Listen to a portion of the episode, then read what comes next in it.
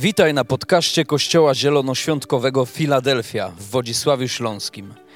Mamy nadzieję, że to przesłanie zachęci Cię do bliższej relacji z Jezusem. Jeżeli jesteś ciekaw, kim jesteśmy, zapraszamy Cię do odwiedzenia naszej strony internetowej filadelfia.org.pl. Do zobaczenia w Filadelfii.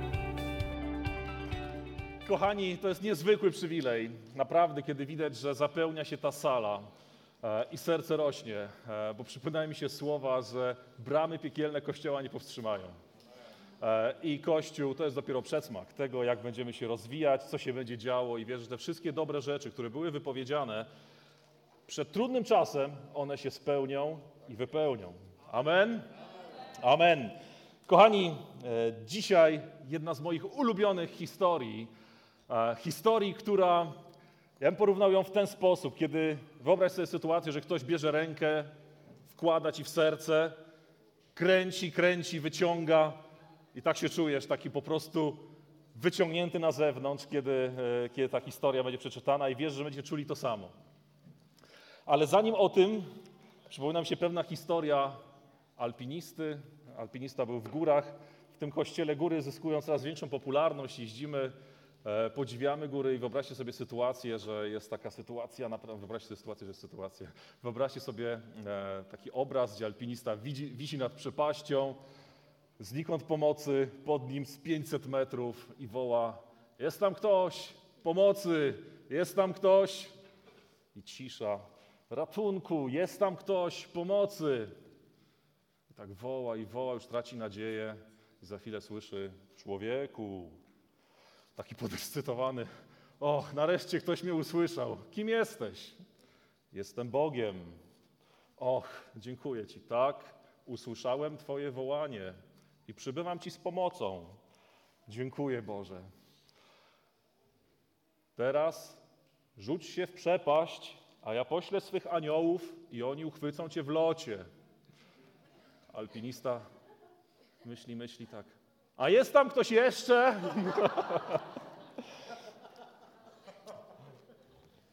Czasami tak mamy w życiu też, tak?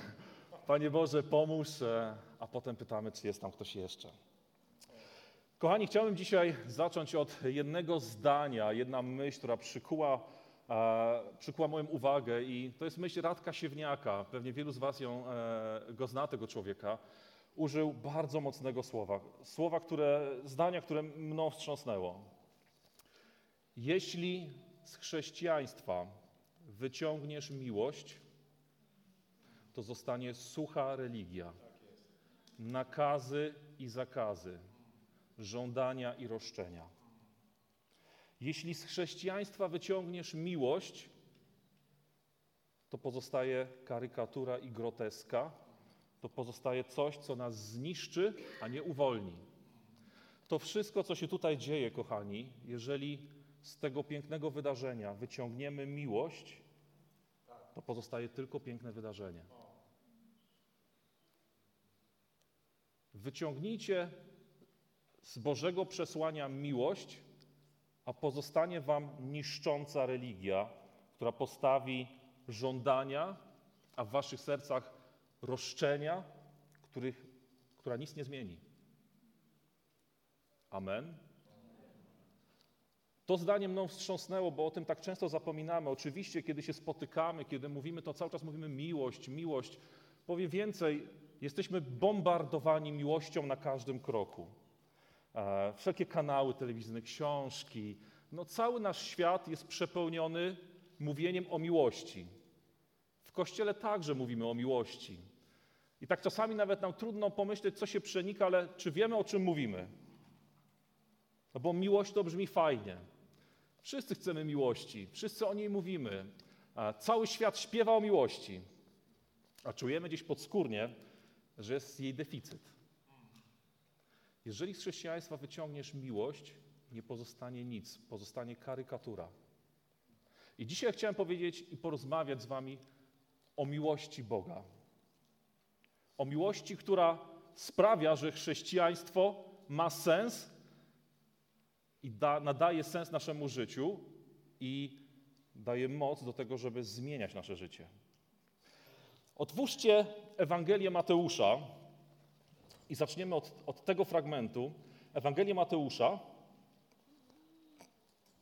22 rozdział,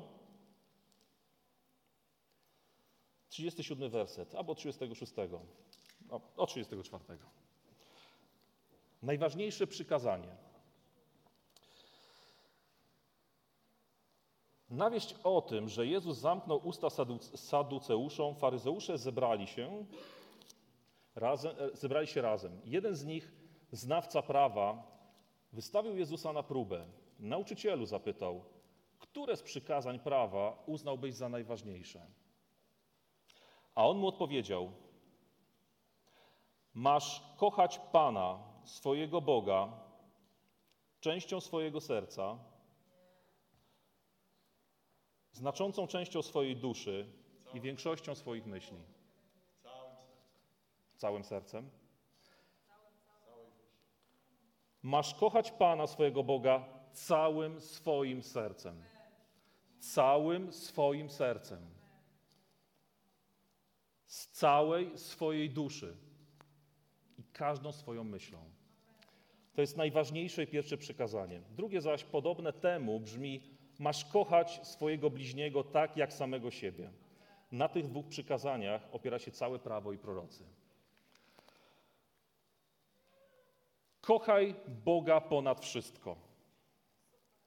Kochaj Boga ponad wszystko. I na początku tego kazania chciałbym, żebyśmy, kiedy będziemy, będziemy czytać historię, do której za chwilę powędrujemy, chciałbym, żebyś pomyślał sobie, co to jest to wszystko. Jeżeli możesz w głowie, jeżeli chcesz w domu, weź kartkę i powiedz, co to jest Twoje wszystko. No bo często tak mówimy, tak? Czasami pytam pracownika, co zrobiłeś? Wszystko. A co zrobisz? Jeszcze więcej. A. No to pomyśl, co to jest to wszystko. Zacznij wypisywać. Pomyśl o swoim życiu i wszystko. Żona, dziecko, mąż, rodzina, kariera, status społeczny, miejsce w kościele, mieszkanie, dom, samochód, tytuły. Wypisuj po kolei wszystko. Jak długo będziesz miał tą listę? Ale jak wszystko, to wszystko. Wypisz wszystko, to czym jesteś, to co masz. Kiedy będziemy czytać tą historię, miej to z tyłu w głowie, bo od tego zaczniemy. Będziesz kochał Pana Boga ponad wszystko. My tak często mówimy właśnie tak czasami jak mój pracownik, wszystko. Wszystko i nic, tak? Coś tam, coś tam. Chciałem, żebyśmy dzisiaj w głowie wielkimi, ogromnymi literami wszystko. I sięgnijmy do historii, która, tak powiedziałem, zawsze mnie wywraca od wewnątrz. Ja ją e, od lat czytam i powiem szczerze, że jak lata biegną, ilekroć do niej wracam, to czuję się tak połamany, zmiażdżony, ale potem na nowo zbudowany zawstydzony przed Panem Bogiem, a potem Mu tak szalenie wdzięczny, tak oniemiały, tak, tak, takiej sytuacji, kiedy stajesz przed górą i nagle czujesz, wow, jakie to potężne, jaki jestem mały. Sięgnijmy do Księgi Wyjścia, do Księgi Rodzaju, przepraszam, do 22 rozdziału. Otwórzcie Księgę Rodzaju, 22 rozdział.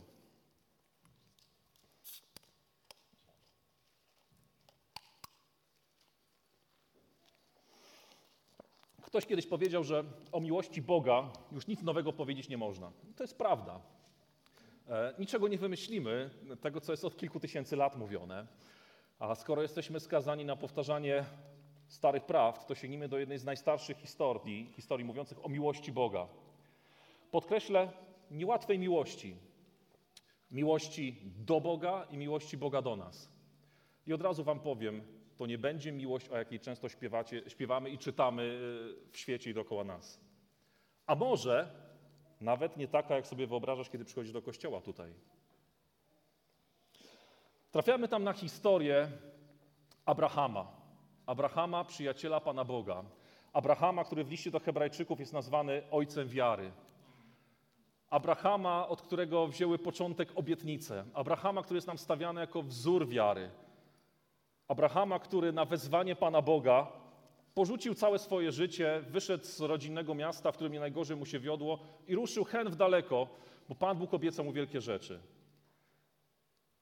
Na tym etapie Twoje wszystko, gdybyś miał porzucić to, byłbyś gotów tu, teraz, naraz spakować się i porzucić i jechać, nie wiem, do Ugandy, mm, Suwałki, gdziekolwiek. E, znaczy, żeby nie było tak, że Uganda i Suwałki to... No, no nie no, bo nie chcę, nie chcę, żeby to było tak... e, No, niektórzy do Ugandy, dla niektórych wyprawa do Suwałk będzie wielką przeprowadzką, tak? E, Ale dajmy nawet, niech to będą ustrzyki albo i moje kochane Świnoujście. Ale gdziekolwiek, że rzucasz wszystko i masz pójść tam. Wymaga wiary, wymaga porzucenia wszystkiego tego, co masz, tu, teraz, pracy, zadzwonienia do pracodawcy. Halo, jutro mnie nie będzie. Ale to się okazuje, że to jest przedsmak. Bo historia, którą, którą chcę wam powiedzieć i której chcę wam pokazać na jej przykładzie, to co mi Pan Bóg, tak powiedziałem regularnie, co kilka lat rozbiera mnie na, na śrubki, a potem składa takiego mocnego i wdzięcznego. To jest historia, kiedy Abraham musiał oddać, ofiarować Izaaka, swojego syna. Kiedy Abraham wyszedł z Ur chaldejskiego, czyli z takiego miasta, tamtejszych Suwałk, powiedzmy, to Pan Bóg mu obiecał, że od niego zacznie się naród, wielkie, wielki naród powstanie, tak liczny jak gwiazdy na niebie. W nim znajdą wypełnienie obietnice daleko większe niż tylko takie powodzenie materialne. I Abraham ruszył. E, minęło wiele lat. Abraham dostał e, i wypełniła się obietnica, kiedy już był w sile wieku i tak z ludzkiego punktu widzenia, tak naturalnie, już właściwie w tym wieku ludzie raczej nie dorabiają się potomstwa. To Abraham i Sara, kiedy już byli naprawdę starzy, urodził im się Izaak. Izaak, wypełnienie obietnicy. Wyobraźcie sobie człowieka, który całe życie oddaje Panu Bogu, porzuca wszystko, co ma i czeka na wypełnienie się obietnicy. I nagle rodzi się ten ukochany chłopak. Chłopak, spełnienie Twoich marzeń. E, Ty i Sara, ty i twoja żona nie możecie już mieć dzieci, ale Pan Bóg obiecuje, że będzie cud i ponadnaturalny to się dzieje. I rodzi się ten twój upragniony syn. Patrzysz w niego, widzisz twoje stopy, twoje ręce, twoje oczy. E, Teściowa ci zapewnia, jaki on podobny do ciebie, tak? Taki podobno jest to taki, e, taki dobry mm, zwyczaj, kiedy teściowe zawsze upewniają męża, że patrz, to jest twoje, to jest twoje, żebyś tam nie miał wątpliwości, tak? Jaki podobny do ciebie. Ty czarny, on rudy, jaki podobny. I Abraham spełnia mu się to wszystko. To nie jest syn zakała, to nie jest syn, którego się chowa i tak opowiadasz o nim, ale najpierw, żeby go nie widział. Nie, to jest spełnienie Twoich marzeń. Ukochany. Przebywasz z nim mnóstwo czasu, patrzysz jak zaczyna chodzić, przebierasz mu pieluchę. Abraham to, to robił. To było coś, na co czekał dziesiątki lat. To nie było dziecko wpadka, to było dziecko wyczekiwane, z którym wiązały się też dalsze obietnice, bo to właśnie od Izaaka miała się wypełnić obietnica, gdzie to będzie początek wielu narodów, licznego narodu, jak, jak gwiazdy na niebie. Kochasz go, patrzysz jak obserwuje, patrzysz jak mu się wybijają pierwsze zęby, chodzisz z nim, e, oglądasz gwiazdy, rozpalasz ogniska, pocieszasz go, kiedy upadnie i się zrani. E, opowiadasz mu to wszystko, co ty wiesz o, o życiu. Na tej sali ktoś, kto jest ojcem, wie o czym mówię. Czujesz to wszystko, kiedy dzień po dniu patrzysz, jak on rośnie. Kiedy starasz się przekazać mu to wszystko, co ty wiesz. I teraz każdy, kto jest ojcem na tej sali, wie, że jak patrzy na swoje dziecko, to właśnie ma, w, ma tak naprawdę w serduchu, w głębi te wszystkie momenty.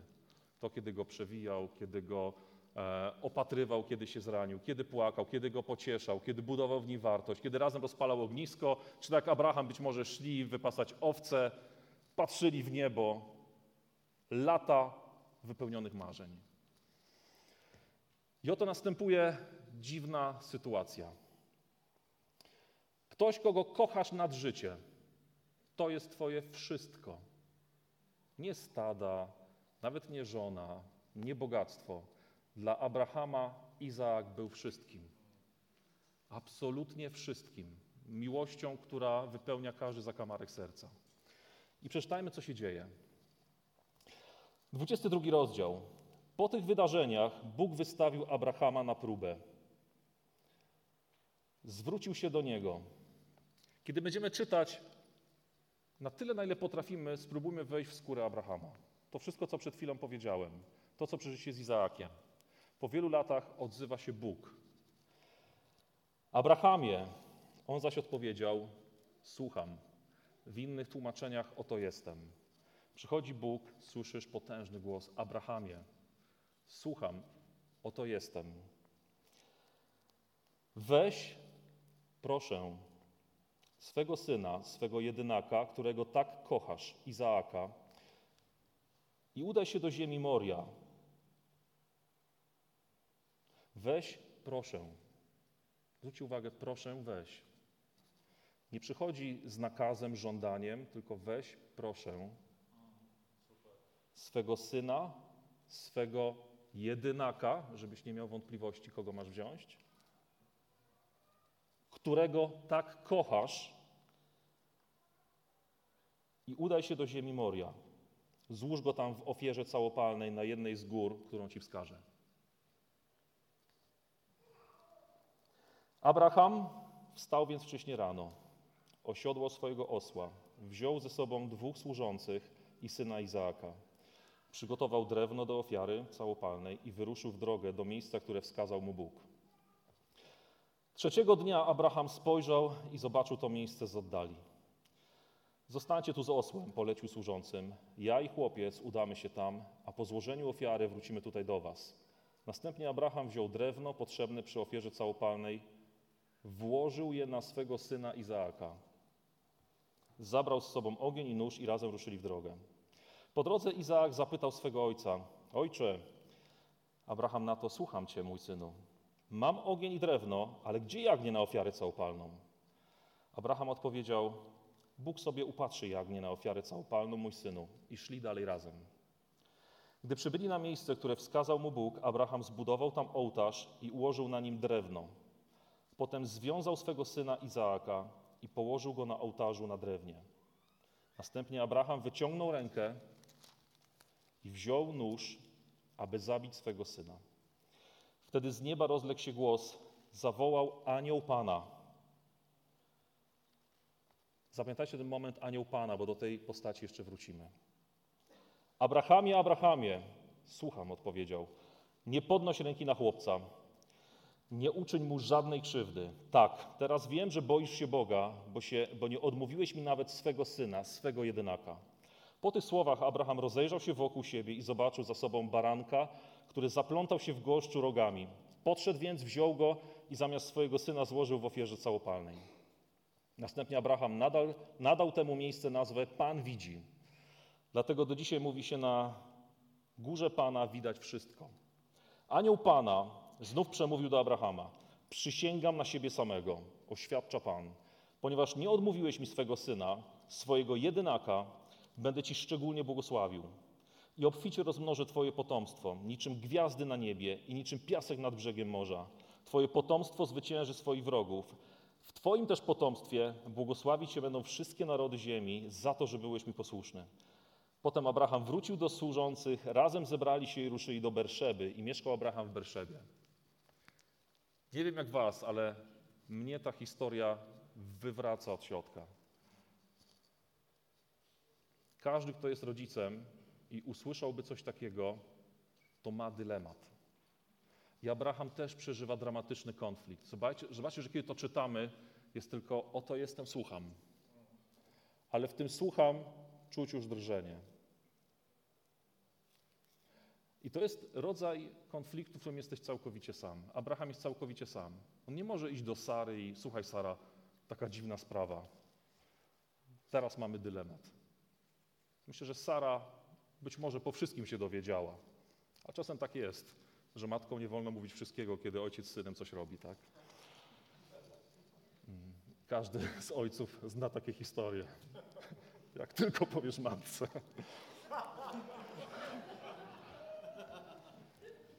Pamiętam kiedyś z Bartkiem wybrałem się na przejażdżkę rowerową po czeskiej stronie.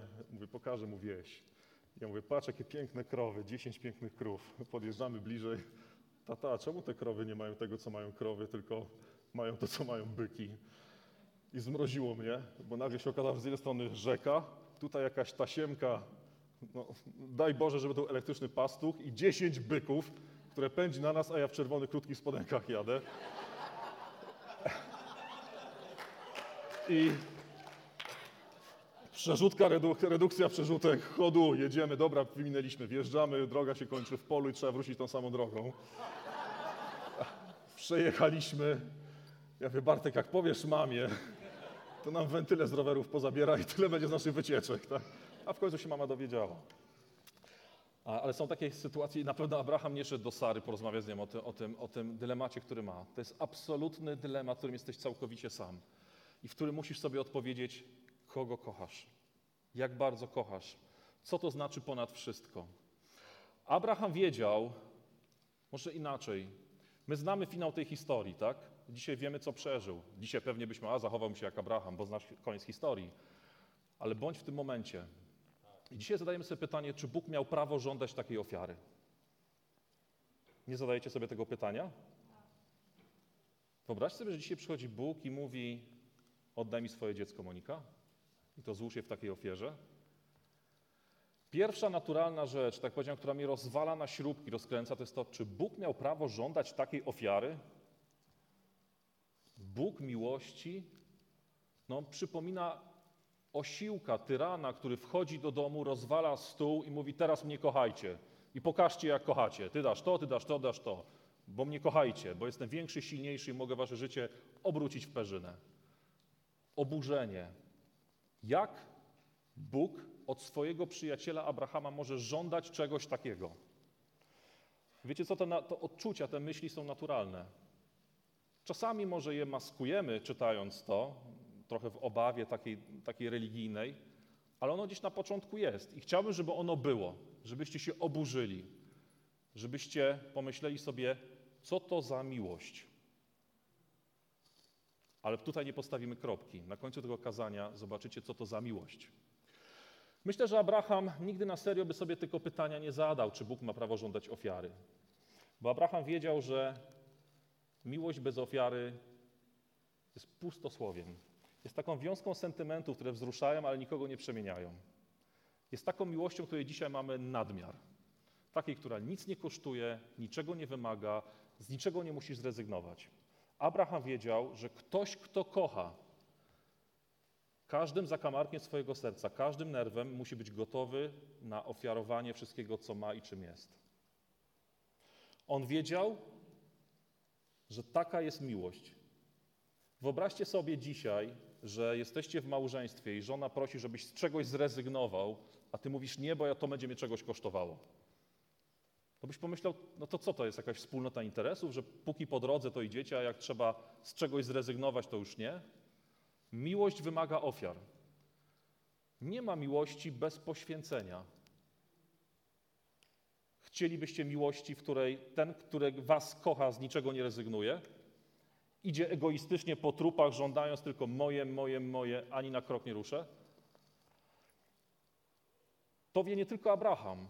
Kiedy Jezus zwrócił się do Piotra, kochasz mnie? Tak, wiesz, że cię kocham. Co było dalej? To bierz ciężar na barki i nieś. Ofiarowanie, oddanie siebie jest naturalną konsekwencją tego, że kochasz. I teraz jest pytanie, jak kochasz? Całym sercem? A może cząstką? Kiedy ja, kiedy ja myślałem o tych słowach, wybaczcie, ale coś mi ścisnęło, mówię, Panie Boże, ja chyba nie potrafię Ciebie tak kochać. Kiedy wymienisz sobie tą listę Twojego wszystko, to w którym momencie zadrży Ci ręka, kiedy miałbyś to ofiarować? W którym? Samochód, mieszkanie, dom, relacje, praca? Kiedy stajesz przed Bogiem, dwojgiem ludzi, którzy się kochają i masz coś ofiarować, to w którym momencie Ci zadrży ręka? Ja czytam historię Abrahama, a ja mówię, płaczę, Panie Boże, gdzie mi tam do takiego etapu, jak mi ręka drży przy takich banalnych rzeczach jak praca, mieszkanie, dom, status. A ja czytam, że mam Cię kochać całym sercem, a ja sobie uświadamiam, że ja Ci kawałka serca nawet nie jestem w stanie dać. Pośpiewać to łatwo. I uświadamiam sobie, Panie Boże, mnie miażdży ta historia. A Abraham wie, że kocha Izaaka, ale kocha Boga bardziej. Jest gotowy oddać wszystko. Wie też jeszcze jedną rzecz, że Izaak jest darem Boga. I teraz, kiedy przypominamy sobie, jesteśmy w stanie uświadomić sobie, że wszystko, co mamy, to jest dar od Pana Boga? To, że masz pracę, mieszkanie, zdrowie, jest darem od Pana Boga. I teraz wyobraźcie sobie relację, kiedy ojciec daje coś dziecku, obdarowuje go. Czy w moim życiu nie ma sytuacji, że dar zaczynam kochać bardziej niż dawcę? Że nagle dar staje się przekleństwem dla mnie, bo gubię z, oj... gubię z oczu ojca i dawcę. Bardziej kocham dar, czy bardziej dawcę? Czy dary, które daje mi kochający ojciec, przybliżają mnie do niego, pokazują mi jego miłość, rodzą moją wdzięczność, czy nagle dary stają się moim Bogiem, moim skarbem? Gdzie skarb twój, tam i serce twoje. Pamiętam historię małżeństwa, które się bardzo modliło o to, że nie mogli mieć dzieci. Bardzo się modliło, że Pan Bóg dał im dziecko. Po wielu latach Pan Bóg dał dziecko. Nie ma ich w kościele. Modlisz się o to, żeby Pan Bóg zaspokoił Twoje potrzeby, czasami materialne. Pan Bóg daje. Jesteś Mu wdzięczny i pamiętasz, że to jest Jego dar? Czy nagle już nie ma taty, jest tylko dar? Dramat wielu rodzin dzisiaj. E, I tutaj przy okazji też publicznie, Krzysiu, dziękuję Ci za rozmowę, którą mieliśmy w górach. Mm, dzieci nasze są oplecione technologią. Dajesz dziecku swojemu, kupujesz komputer, nowy telefon, po to, żeby pokazać, jak bardzo kochasz, żeby też pokazać, że dbasz o jego potrzeby, tak? że chcesz, żeby było zadowolone. I nagle sobie uświadamiasz, że dziecko już cię nie widzi, bo jest zaplątane w sieci. Mieliście tak? Dostałeś od Pana Boga wysłuchaną modlitwę w postaci ulubionej pracy. Ile czasu poświęcasz Panu Bogu, a ile pracy? Nagle dar staje się przekleństwem, bo gubisz z oczu dawcę tego, który Cię kocha. I to jest taki dylemat, który nie jest jakiś taki wyimaginowany. Ile razy dzisiaj mega bogaci mężczyźni, kiedy poznają kobietę, ty ale kochasz mnie czy moje pieniądze? No jest zawsze jedna ciebie, tak? Dlaczego? Bo to jest gdzieś podskórne. Kochasz mnie czy to, co ci daję? Abraham wie, że Izaak jest darem od Boga. Dzisiaj żyjemy w takiej kulturze, kto daje i zabiera, ten się w piekle poniewiera, tak? Ale czy jesteś gotów dzisiaj, gdyby Pan Bóg powiedział, biorę wszystkie dary, to jak byś zareagował? Z takim hasłem przyszedł diabeł do Boga, kiedy powiedział, Hiob cię nie chwali, dlatego, że cię kocha, a dlatego, że mu błogosławisz. I Abraham przeżywa ten dramat. Wszystko, co ma, dostał od Pana Boga. To są jego dary. I nagle się okazuje, że musi sobie odpowiedzieć na najbardziej podstawowe pytanie. Czy bardziej kocha dawcę, czy dary?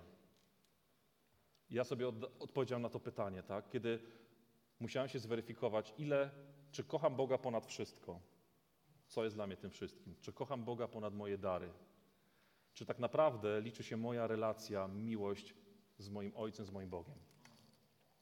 Znamy finał tej historii. Abraham wie, że miłość wymaga ofiar. Jezus też o tym wiedział, bo to jest prawdziwa miłość. I dzisiaj, kiedy ktoś mówi, że kocham, ale nie jest gotów na poświęcenie czegokolwiek, to to jest pustosłowie. Więc pierwsza rzecz, która się wiąże z miłością Pana Boga, miłość wymaga ofiar. Miłość sama od siebie daje. To jest coś naturalnego. Ja powiem więcej. Dla kogoś, kto kocha, problem ofiary nie jest problemem. E, Angela, czy dla ciebie byłoby problemem przygotowanie ulubionego obiadu Arkowi? Chociażbyś nie lubiała. Robi to często. Dlaczego? Bo dla niej to nie jest wyzwanie. No to jest naturalne. No, kochasz, to dajesz, poświęcasz. Dla kogoś, kto kocha, ofiara nie jest ofiarą. Jest czymś naturalnym, oczywistym. I to wiedział Abraham. Punkt pierwszy o miłości, bez której chrześcijaństwo jest tylko karykaturą. Miłość wymaga ofiar, ale to nie jest taka ofiara na zasadzie, że coś ci się wyrywa i sobie się wymiotować chce. To jest naturalne. Kochasz, to dajesz. No i pytanie, czy wszystko? a my jesteśmy wezwani tego, żeby kochać Pana Boga ponad wszystko. I oto wezwanie do Abrahama: oddaj to, co masz, oddaj to, co najcenniejsze. Wyobraźcie sobie, jakiej to wymaga wiary. Abraham jest podany jako przykład absolutnej wiary, i takiej wiary wymaga od Abrahama ta sytuacja. Nagle przed Twoimi oczami nie widzisz rozwiązania. Pan Bóg Ci obiecał syna, wypełnienie proroc, a ty masz poświęcić tego syna. I mówmy się szczerze, jesteś w takim wieku, że drugiego już mieć nie będziesz. A więc co? Całe twoje życie, wszystkie obietnice nagle w tym jednym momencie się skończą. Trzeba, aby Pan, aby Abraham szaleńczo zaufał Panu Bogu. Celowo podkreślam szaleńczo. Wbrew ojcowskiemu sercu, wbrew rozumowi, bo tam się nie, nie tliła żadna racjonalna myśl. Ta historia, tak po ludzku, skończyłaby się dramatem. Ile razy w moim, w Twoim życiu jest moment, w którym musisz szaleńczo zaufać Panu Bogu, tak wbrew temu, co mówi Twój rozum?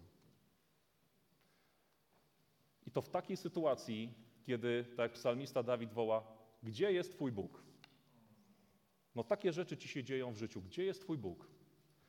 Jest ciemno, niebo milczy, a Ty musisz zaufać Panu Bogu. I jedyne, co Ci pozostaje, to co w liście do Hebrajczyków jest powiedziane, czym jest wiara. Jest pewnością tego, czego się spodziewamy. Czego spodziewasz się po swoim Bogu? Czego Abraham mógł się spodziewać po swoim Bogu? Dzisiaj ta sytuacja dla Abrahama, kiedy on idzie z dzieckiem na tą górę, rozumowo, to jest katastrofa. Jedyne, co mógł się spodziewać, to to, mój Bóg jest dobry. Mój Bóg nie ma umiłowania w okrucieństwie. Mój Bóg pierwszy się do mnie zwrócił, dał mi obietnicę i je wypełnił. I tylko to mi pozostaje. Ale dzisiaj moje oczy tego nie widzą. Dzisiaj moje ojcowskie serce, mój rozum mówi, to wszystko się rozsypuje. Nie widzę finału. Ilu z nas jest w takim momencie, gdzie no stoisz trochę jak ten człowiek nad przepaścią, jedyne co ci pozostaje to się rzucić, ale cały twój rozum mówi, no jak się rzucę to zginę. Znikąd pomocy, znikąd jakiegoś racjonalnego argumentu. Jedyne co ci pozostaje to czego się spodziewasz po Panu Bogu. Jaki jest twój ojciec? Jaki jest twój Bóg? Jaka jest twoja wiara? W liście do Hebrajczyków jest powiedziane, że sprawiedliwy z wiary żyć będzie. Nie tylko w kontekście zbawienia, ale tak na co dzień. Z jakiej wiary żyjesz? Kiedy zaczyna się dzień, ja sobie zadaję pytanie, czego spodziewam się po moim Bogu? Kiedy piętrzą się problemy, kiedy piętrzą się sytuacje, których nie potrafię wytłumaczyć, to czego spodziewam się po moim Bogu? To, co przeżywa Abraham, to wymaga od niego szaleńczej wiary, wbrew rozumowi. Jedyne, co mu pozostaje, to nie ogarniam, nie łączę tego, dwa plus dwa nie wychodzi mi cztery, ale kocham Cię i Ci ufam. Kocham Cię i Ci ufam, chociaż tego kompletnie nie rozumiem. A więc drugi element miłości, którą z tej historii wyczytujemy, to jest zaufanie. Miłość wierzy, zawsze heroicznie, szaleńczo wierzy, choćby Twoje oczy mówiły, że to się nie sklei. I wielu z nas, jak tu siedzimy, mogło tego doświadczyć i podnieść rękę i powiedzieć: Byłem w środku sytuacji i tak po ludzku to się nie mogło poskładać. A potem po, po roku, po dwóch, po miesiącu składasz świadectwo, poskładało się. I to w tak cudowny sposób. Kiedy zaczynał się ten rok, moja żona może powiedzieć, ja myślałam, nie, Monika, to się nie poskłada. Jest jakiś próg wytrzymałości, jakiś limit wytrzymałości, a dzisiaj mogę powiedzieć, Bóg jest wielny, wielki. On tak to poskładał, że ja w najbardziej optymistycznym scenariuszu bym tego nie wymyślił. Ale był moment, kiedy wisiałem nad przepaścią i musiałem, dobra, skaczę, a ty poślij swych aniołów. I wiem, że dzisiaj wielu z was jest w takim momencie, kiedy po prostu musisz skoczyć. W ciemność, w przepaść, ale Bóg cię złapie. I nie jesteś w stanie dzisiaj powiedzieć nikomu, dlaczego tak jest, poza tym, że bo mój Bóg taki jest, bo tego się po nim po prostu spodziewam, a co się wydarzy, będzie najlepsze dla mnie. Amen. I Abraham idzie na górę z synem. Słuchajcie, co to musiały być za godziny czy dni wędrówki z dzieckiem, które wiesz, że musisz złożyć. Kładziesz na jego barki drzewo, drewno, które będzie spalone. Idziesz, przypominasz sobie te wszystkie chwile, myślisz, może oszalałeś, może jakieś złe duchy. I jak to dzieci w takim momencie zawsze mają idealny czas na pytanie. Tato, a gdzie ofiara? Co masz powiedzieć Jakowi? Być może takim ostatnim, ostatnią iskiereczką Abraham mówi, Pan Bóg znajdzie sobie ofiarę. Ale wiesz, bo w sercu, że kochasz Boga ponad wszystko. Jakkolwiek to brutalnie brzmi, kocha także ponad Izaaka. Ja bym tak nie potrafił. I dochodzimy do finału, kiedy Abraham związuje Izaaka, już być może rosłego nastolatka. Krzysiek, gdybyś musiał Jonatana związać. Jonatan nie protestuje, tak? Już wie, że nie ma żadnego jagnięcia. Związuje mu ręce, kładzie go na ołtarzu. Czujecie to? I w sercu wie, że za chwilę będzie musiał złożyć syna na, na ofiarę. I w tym momencie, finał, przychodzi anioł Pana i mówi: Nie rób tego. Nie rób tego. Teraz wiem, że się mnie boisz i kochasz. Nie rób tego. Na początku cała historia wydawała się jako taki e, albo albo. Albo kochasz syna, jesteś wrogiem Boga, albo kochasz Boga, jesteś wrogiem syna. Tak to się na początku jawiło, tak? Kiedy Abraham skakał w tą przepaść, no to właściwie to była alternatywa. Albo Bóg, albo syn. A finał jest inny. Będziesz kochał syna, bo kochasz Pana Boga. Miłość Boga obejmuje wszystko i dogłębnie. W liście Jana jest powiedziane, że nie możesz kochać Boga, a nienawidzić brata swojego. Jeżeli tak mówisz, to jesteś kłamcą. A więc trzecia rzecz związana z miłością Boga. Będziesz miłował swojego brata i swoją siostrę, bo kochasz Pana Boga. To jest miłość, która obejmuje wszystko. Nie możesz powiedzieć, że nienawidzę Cię, ale tak Cię kocham Boże. Ale Jego nienawidzę. I oczywiście dorobisz historię, dlaczego, bo też byś Go nienawidził, tak? Znaczy, pokazuję ręką, ale bez, e, bez niczego konkretnego. A więc miłość wymaga ofiar, wymaga szaleńczej wiary i musi być powszechna, dogłębna. I taki jest finał tej historii. Ktoś mógłby powiedzieć, że na tym by się skończyła, ale dalej, dalej byśmy zostali z tym oburzeniem na Pana Boga. Co za tyran, który tak testuje dzieciaki, że pokazać, jak go kochają. Ale ta historia jest inna. Prosiłem Was, żebyście zwrócili uwagę na postać anioła pańskiego. Otóż wielu teologów twierdzi, że anioł pański w Starym Testamencie to jest taka teofania, objawienie się Pana Boga. Zobaczcie, że anioł pański już nigdy w Nowym Testamencie się nie pojawia, bo Jezus już się pojawił. I wielu twierdzi, że w tym momencie, tam na górze Moria, tym, który wszedł i powstrzymał Abrahama, był Jezus. I nagle sobie uświadamiamy, aha, okej, okay, ta historia ma dalszy ciąg. Bo wiecie, że był ojciec, który poświęcił swojego syna do końca. Kiedy ja byłem oburzony i wściekły na Pana Boga, co to za żądanie, co to za miłość, tak to sobie możesz testować, tak? Jesteś większy, silniejszy i testujesz sobie nas tu biednych ludzi. To kiedy opowiesz tą historię do końca, to jesteś zawstydzony i wdzięczny. Bo czasami jest tak, że musisz wejść w czyjeś buty, żeby poczuć, o czym mowa, tak? Czasami słyszę, wiesz, fajnie mówiłeś, ok, ale tą końcówkę bym inaczej zamienił, a tutaj przecinek inaczej postawił. Tak? To chodź, weź tu powiedz. Jak wejdziesz, powiesz, zobaczysz, jak się robi ciemno w oczach, jak czasami gubisz myśl, to wtedy wrócisz i może inaczej spojrzysz. Tak samo jest z zaśpiewaniem. Czasami sobie myślałem, to zaśpiewał lepiej niż Beata. ale nie słyszałem, chodź zaśpiewaj, tak?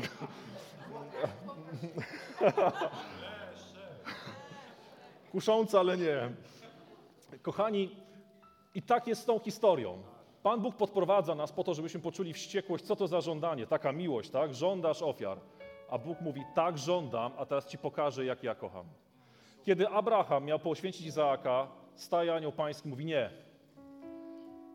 Ale był inny ojciec i syn, którzy się znali dogłębnie. Gdybyś sobie mógł wyobrazić najbardziej intymną, głęboką i mocną relację między ojcem jako synem, jaka istnieje we wszechświecie, to właśnie taka była między ojcem a Jezusem. Razem stwarzali świat, cieszyli się, e, tworzyli galaktyki. Ojciec z synem przeżywali radość, być może się śmiali w taki nasz ludzki sposób, tańczyli, tworzyli, przebywali ze sobą od wieków. To, co my jako ojcowie przeżywamy z dziećmi, to jest ułamek tego, co przeżywał ojciec z Jezusem. I przyszedł moment, gdzie ten ojciec w imię miłości zrobił listę swoje wszystko. Moja chwała, mój splendor, mój Jezus. Wszystko moje. Nie mam już nic więcej, jak tylko Jezusa.